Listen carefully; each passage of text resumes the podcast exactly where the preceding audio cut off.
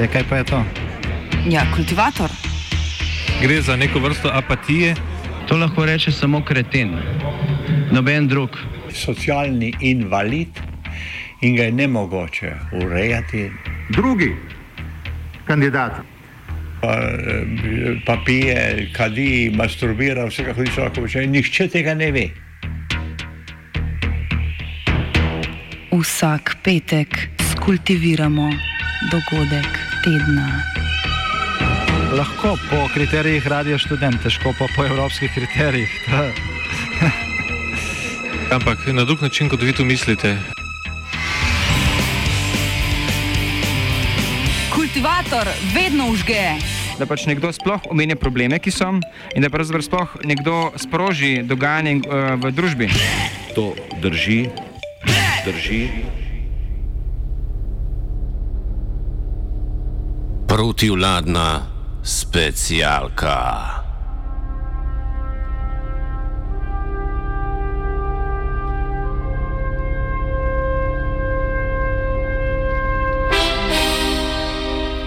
Prvi dan je Bog ustvaril prostor. Prostor pa je bil pust in prazen. Tema se je razprostirala čez ravnino in duh Božji je vel nad praznino.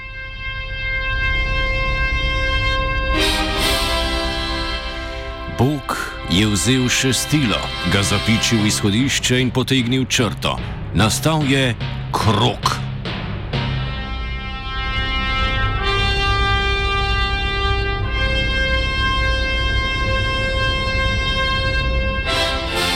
Bog je bil nad svojim delom navdušen, zato je ustvaril še en krog. Kroga sta samevala, vsak sebi, disjunktna, otujena, nepovezana, osamljena.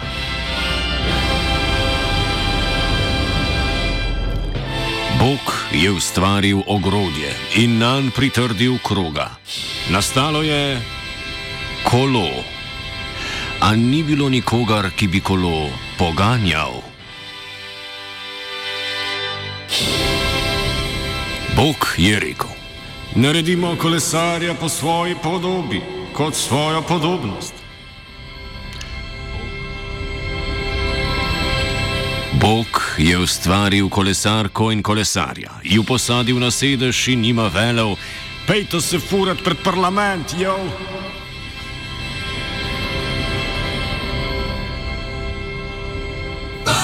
bicycle, bicycle, bicycle. I want to ride my Kolo, napravo okrogle oblike, katere poglavitna lastnost je zmožnost kotaljenja, človek pozna že od pamti veka. Natančneje, izum kolesa datira v pozni neolitik in predstavlja enega glavnih tehnoloških napredkov, ki so botrovali prehodu v bronasto dobo. Prva kolesa so predstavljali vanjasti kosi lesa z luknjo na sredini, v katero je bila pritrjena os. Takšno je tudi kolo z Ljubljanskega barja, najstarejše ohranjeno kolo na svetu, staro več kot 5000 let. Najdbo opiše Irena Šinkovec, kustosinja za prazgodovino v Mestnem muzeju v Ljubljani. Uh, doslej najstarejše uh, kolo na svetu je bilo odkrito leta 2002 na Ljubljanskem barju ob drenažnih posegih poglabljanja enega od jarkov. Uh, izdelano je iz dveh jesenovih plošč in sestavljeno s hrastovimi zagoltami. Gre za izjemen tehnološki uh, primerek, dejansko potem tudi stopa od vseh doslej odkritih koles.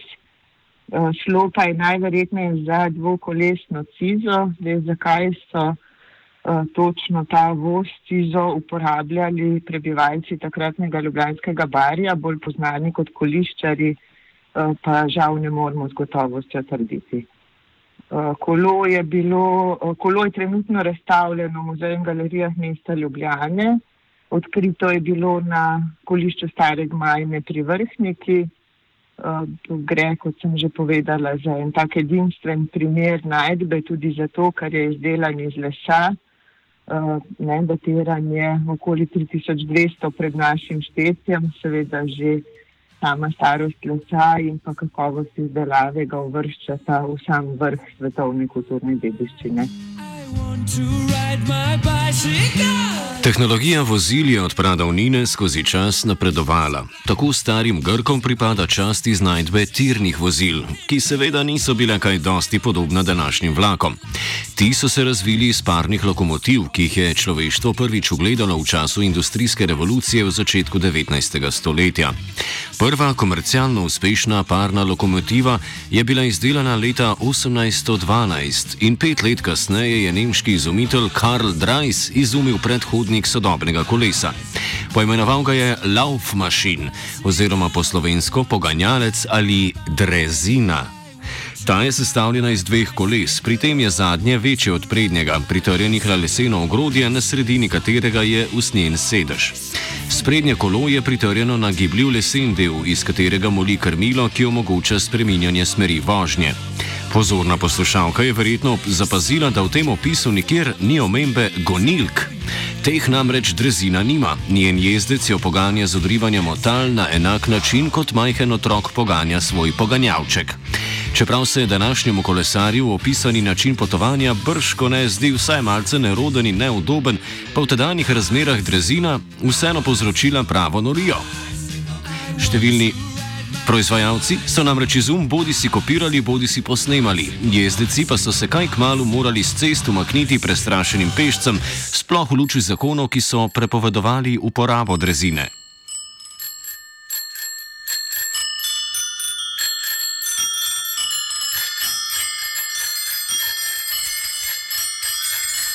Naslednja stopnja v razvoju predstavlja velociped, glavna sprememba pa je ravno pojav gonilk, ki so v tem primeru pritrjene neposredno na os prednjega kolesa. Nič več odrivanja, podplati se osvobodijo tal in jezdec tako rekoč poleti v sedlu svojega hipsterskega prevoznega sredstva. V ta dizajn sodi tudi vsem poznano tako imenovano navadno kolo z groteskno velikim prednjim pogonskim in drobnim zadnjim kolesom. income tax. Jesus, I don't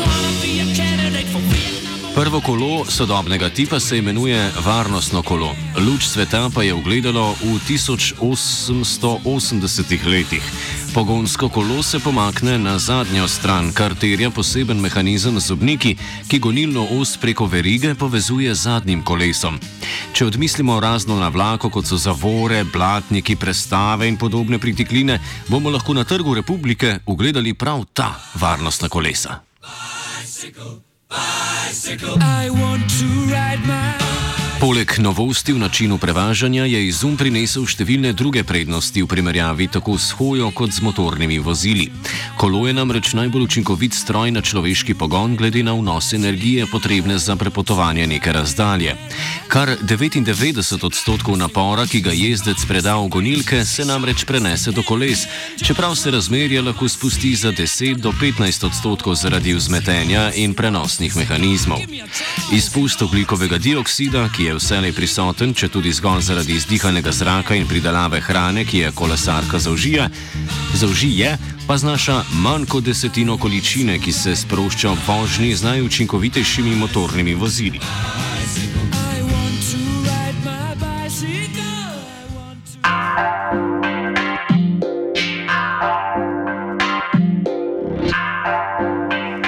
Priljubljenost biciklov torej ni niti malo presenetljiva. Dan danes se to pozna v bolj ali manj kolesarjenju, prilagojeni infrastrukturi, kot so kolesarske poti, pa tudi v sistemih javno dostopnih koles. Pri nas je v Ljubljani že leta prisoten bicikl J, podobne sisteme pa najdemo tudi po številnih mestih v tujini po vseh kontinentih. Naravna posledica ljubezni do vožnje pa so seveda tudi različna športna dejstvovanja, od katerih je prvi primer, pa brško ne tudi najbolj znan, Tour de France dirka po Franciji. Začetkom v letu 1903 je bil osnovan sprva za namene promocije časnika Loto, ki se je za bralce boril s takrat največjim francoskim športnim časopisom Velo. Ob obljubi visoke denarne nagrade, namreč zmagovalca dnevne etape v 19-dnevni dirki, je čakal šestkratnik povprečne plače delavca v tovarni. Se je dogodka udeležilo med 60 in 80 jezdecev. S tudi do 20-urnimi etapami pa so se kolesari spopadali na za današnje razmere dokaj zanimive načine. Za popestritev monotonije so si med vožnjo privoščili kakšno pivo ali kozarec šampanca, pa tudi več njih. Nič nenavadnega pa ni predstavljalo, če si je jezdec prižgal tudi kak čikec, še posebej pred usponi, saj naj bi kajenje odprlo pljuča. Stoto obletnico dogodka je počastila tudi skupina Kraftwerk z albumom Soundtracks of Tour de France, ki ga slišite v ozadju. Florian Schneider naj počiva v miru.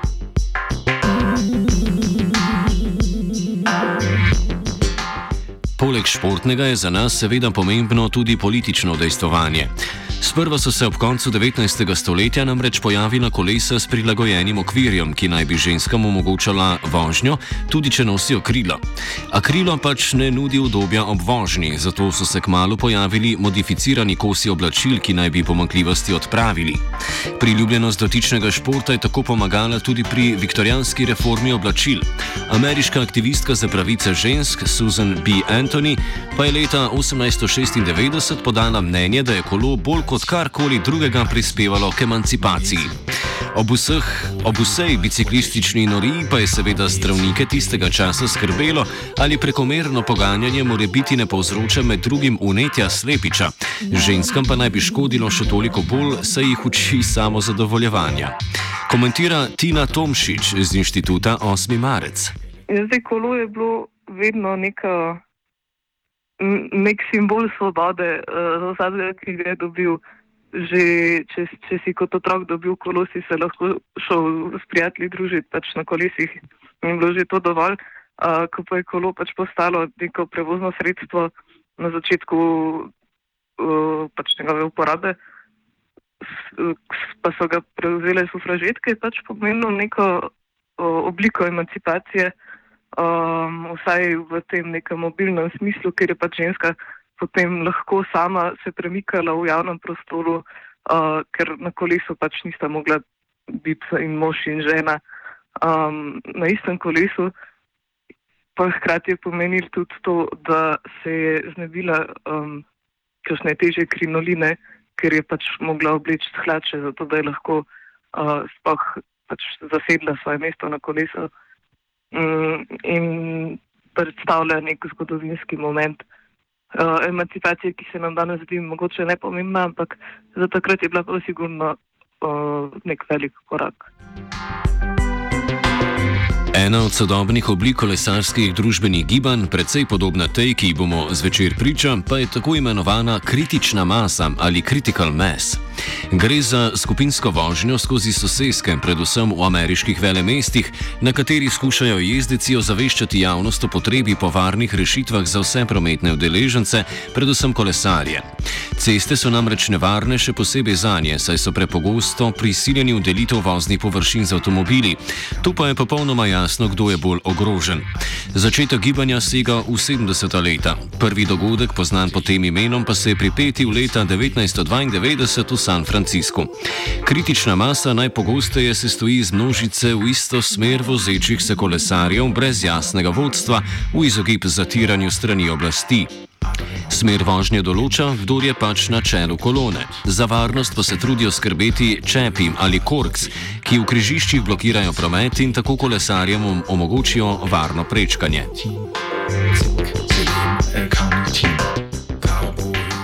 Nečemu precej podobnemu kritični masi smo priča tudi v zadnjih tednih v Ljubljani. Gibanje je sprva jemalo na vdih pri aplauzih zdravstvenim delavcev z balkonom iz začetka obdobja karantene, zdaj pa uživa podporo mnogih civilno-družbenih organizacij. Borut Brezer iz Gibanja za dostojno delo in socialno družbo pojasni podporo gibanja protestom.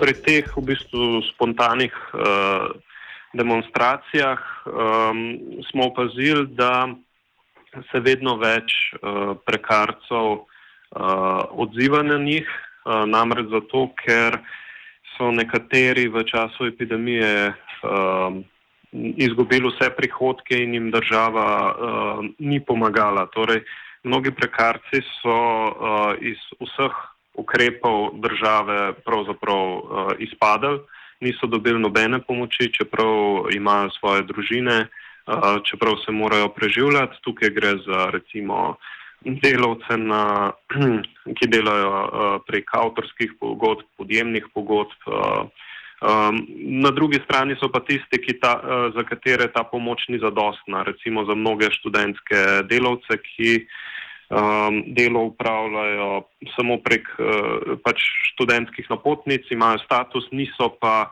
uh, nimajo pa recimo pomoči staršev uh, in pač tistih 150 evrov je za njih uh, premalo. Um, zato v bistvu um, razumemo pač prekarce, ki so se um, odločili, da bojo um, se pridružili tem protestom in uh, mi jih seveda pri tem podpiramo, saj uh, menimo, da uh, imajo prav, torej da so mnogi uh, v času epidemije izpadali. Seveda nas pa skrbi močno tudi um, splošna situacija. Um, trenutno država še vedno ni sprejela proračuna, uh, kar pomeni, da um, vlada skoraj da popolnoma razpolaga sama uh, z državnim denarjem uh, in to je seveda rezultiralo tudi v teh korupcijskih aferah, ko so se pač, um, ko se je denar stekal um, pač, uh, v uh, žepe posameznikov vsaj uh, tako uh, zaenkrat kaže. Uh, prav tako nas skrbi pač poskusi militarizacije, pos skrbijo nas poskusi uh, širitve policijskih uh, pooblastil, ki so v nekaterih primerjih uh, uspel. In vsa ta splošna situacija seveda zahteva nek uh, močan odziv civilne družbe, da uh, temu reče ne in sami tudi razumemo, Um, za, tako razumemo, zakaj je prišlo do teh uh, spontanih demonstracij.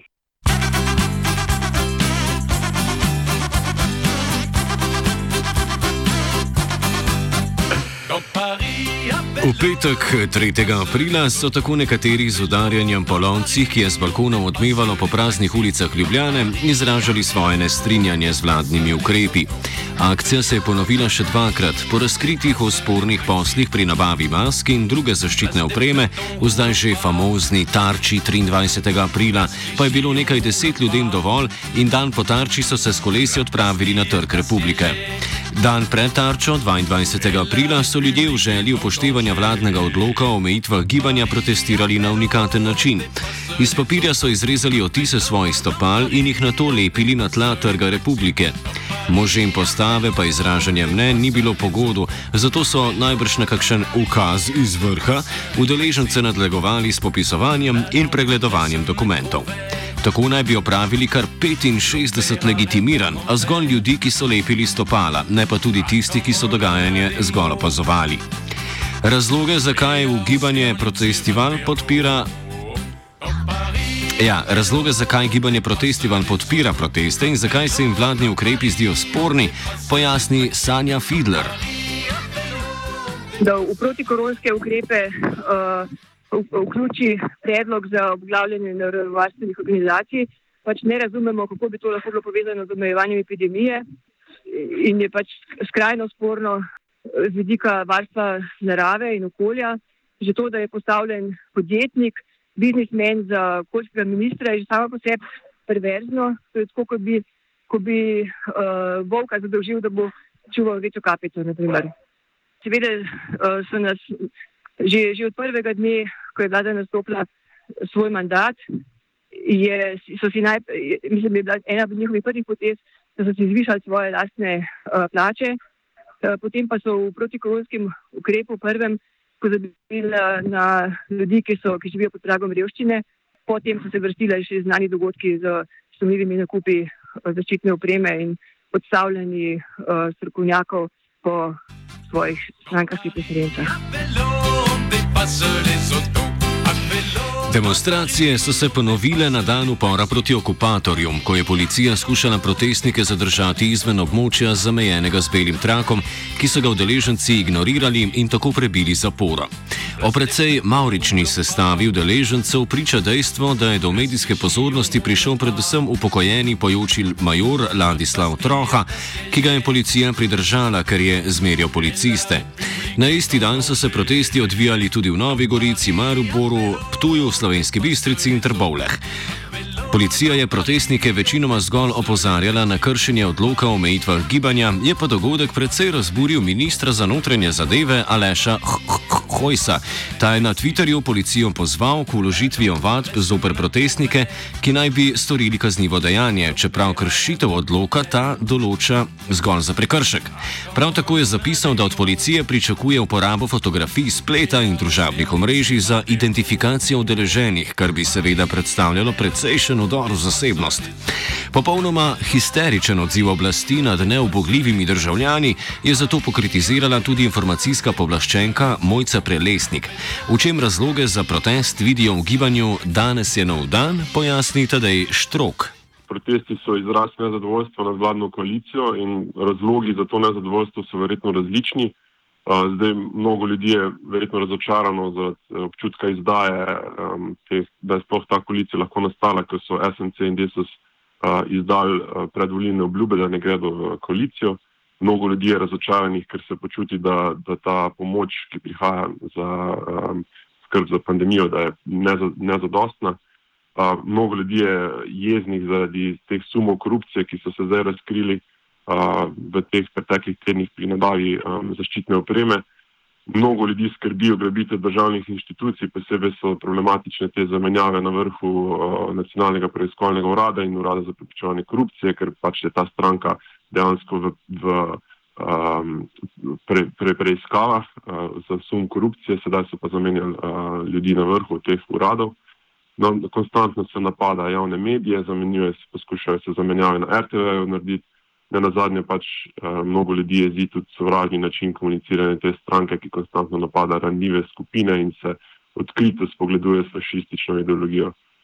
Um, tako da mislim, da je skupnost zahteva, skupna zahteva vseh uh, protestnikov takojšen odstop te vlade, uh, kasneje pa verjetno upamo, da se oblikuje neka alternativa, ki bo postavila skrb za človeka in okolje pred partikularne interese stranke, interese kapitala in ne nazadnje interese sosednje Mačarske. Demonstracije so kritično maso zares dosegle v petek, ko se je po njih ko se je na njih po ocenah policije nabralo približno 3500 kolesarjev. Vlogo čempov so v tem pri primeru igrali kar policisti, ki so Hojsovemu šit povstanju na vkljub postopali korektno, brez nadlegovanja udeležencev. Oblast se tokrat ob dogodek ni obregnila, so pa protestniki dobili nove zaveznike v opozicijskih strankah LMŠ, SD in Levica. Bivši premijer Marjan Šarec je za danes prerokoval še številčnejšo udeležbo kot prejšnji teden. Njegov nekdani državni sekretar, bivši šef Sove in glavni Janšov skinhead Damir Črnčec pa tvitnil video, na katerem se s kolesom vozi po trgu republike in ga označil za trening. Na svoje morebitno prisostvovanje je namignil tudi poslanec SD Matjaš Nemec, Šarčevi napovedi pa je pritegnil poslanec Levice Miha Kordiš. Tina Tomšič z inštituta 8. marec pojasni podporo inštitutom protestom.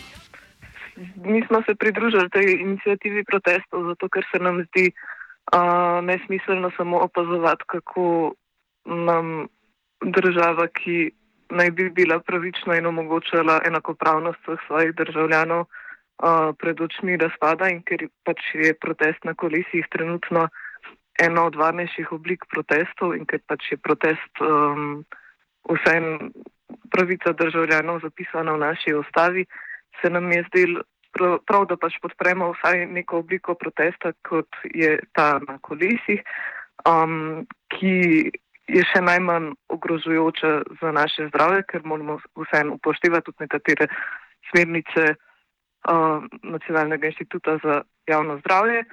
Um, zdaj, te protesti na kolesih so se pojavili tudi v drugih državah. Prejšnji petek so recimo tudi uh, v Nemčiji na tak način protestirali in ker pač neka običajna oblika protestov ni omogočena in tudi neke druge akcije uh, protestiranja zaenkrat pač niso bile mogoče, um, ker so bile preganjene, se nam je zdel prav, da gremo na konu in se odpravimo protestirati na tak način, ki je najbolj varen tako za nas, kot za vse udeležene.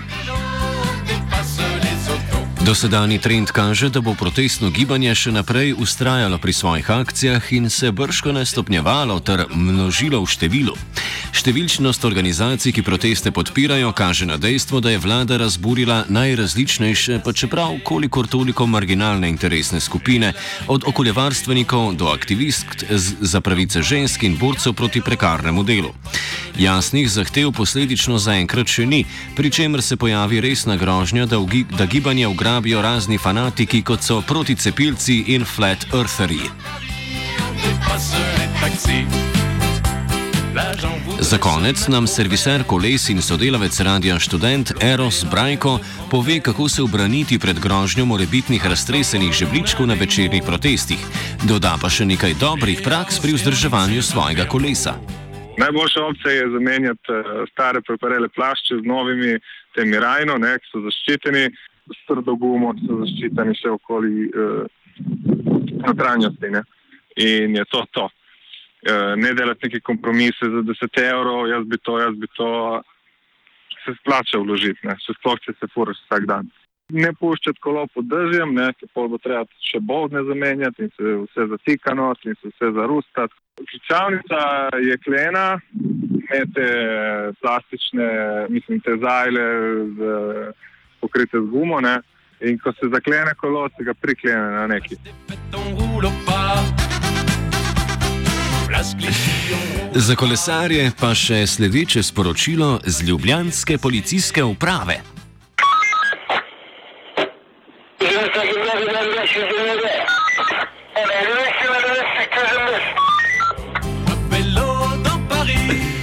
Zaradi zagotavljanja varnosti bo v okolici državnega zbora omejeno gibanje. Vse morebitne udeležence pozivamo naj upoštevajo navodila, ukaze in odredbe policistov in poskrbijo za lastno varnost. Svetujemo tudi, da otrok ne vodite seboj na zbiranje. Območje bo video nadzorovano.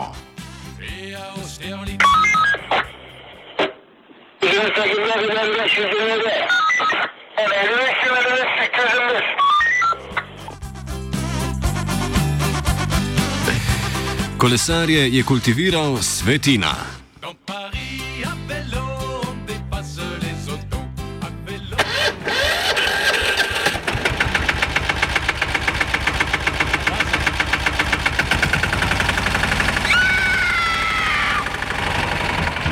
E, kaj pa je to? Ja, kultivator.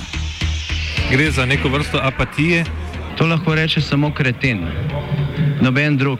Socialni invalid in ga je ne mogoče urejati. Drugi kandidat. Pa, pa pije, kadi, masturbira, vse kako ti človek počne, nihče tega ne ve. Vsak petek skultiviramo dogodek tedna. Lahko po kriterijih radio študent, težko pa po evropskih kriterijih. Ampak na drug način, kot vi to mislite. Kultivator vedno užge. Da pač nekdo sploh omenja probleme, ki so, in da pravzaprav sploh nekdo sproži dogajanje uh, v družbi. To drži, drži.